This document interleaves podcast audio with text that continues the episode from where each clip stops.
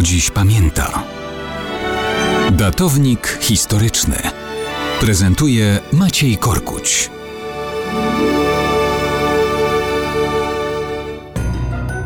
Mało kto dziś pamięta, że 14 stycznia 1779 roku dożą weneckim został Paolo Renier. Był on 119 dożą Wenecji. Panował 10 lat. Kiedy zmarł, włoscy urzędnicy Republiki Weneckiej utajnili ten fakt.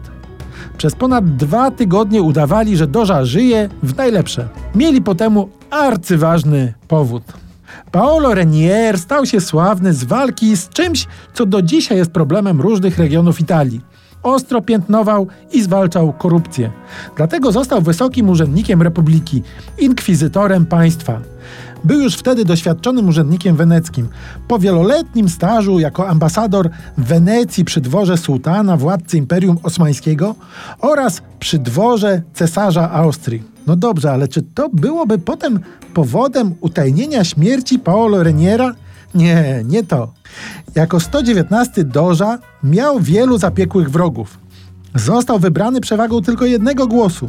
Był zwolennikiem twardej polityki i przeciwstawiał się różnego rodzaju wywrotowym modom i rozsiewanym ideologiom. Ale czy to to było powodem utajnienia śmierci Paolo Reniera?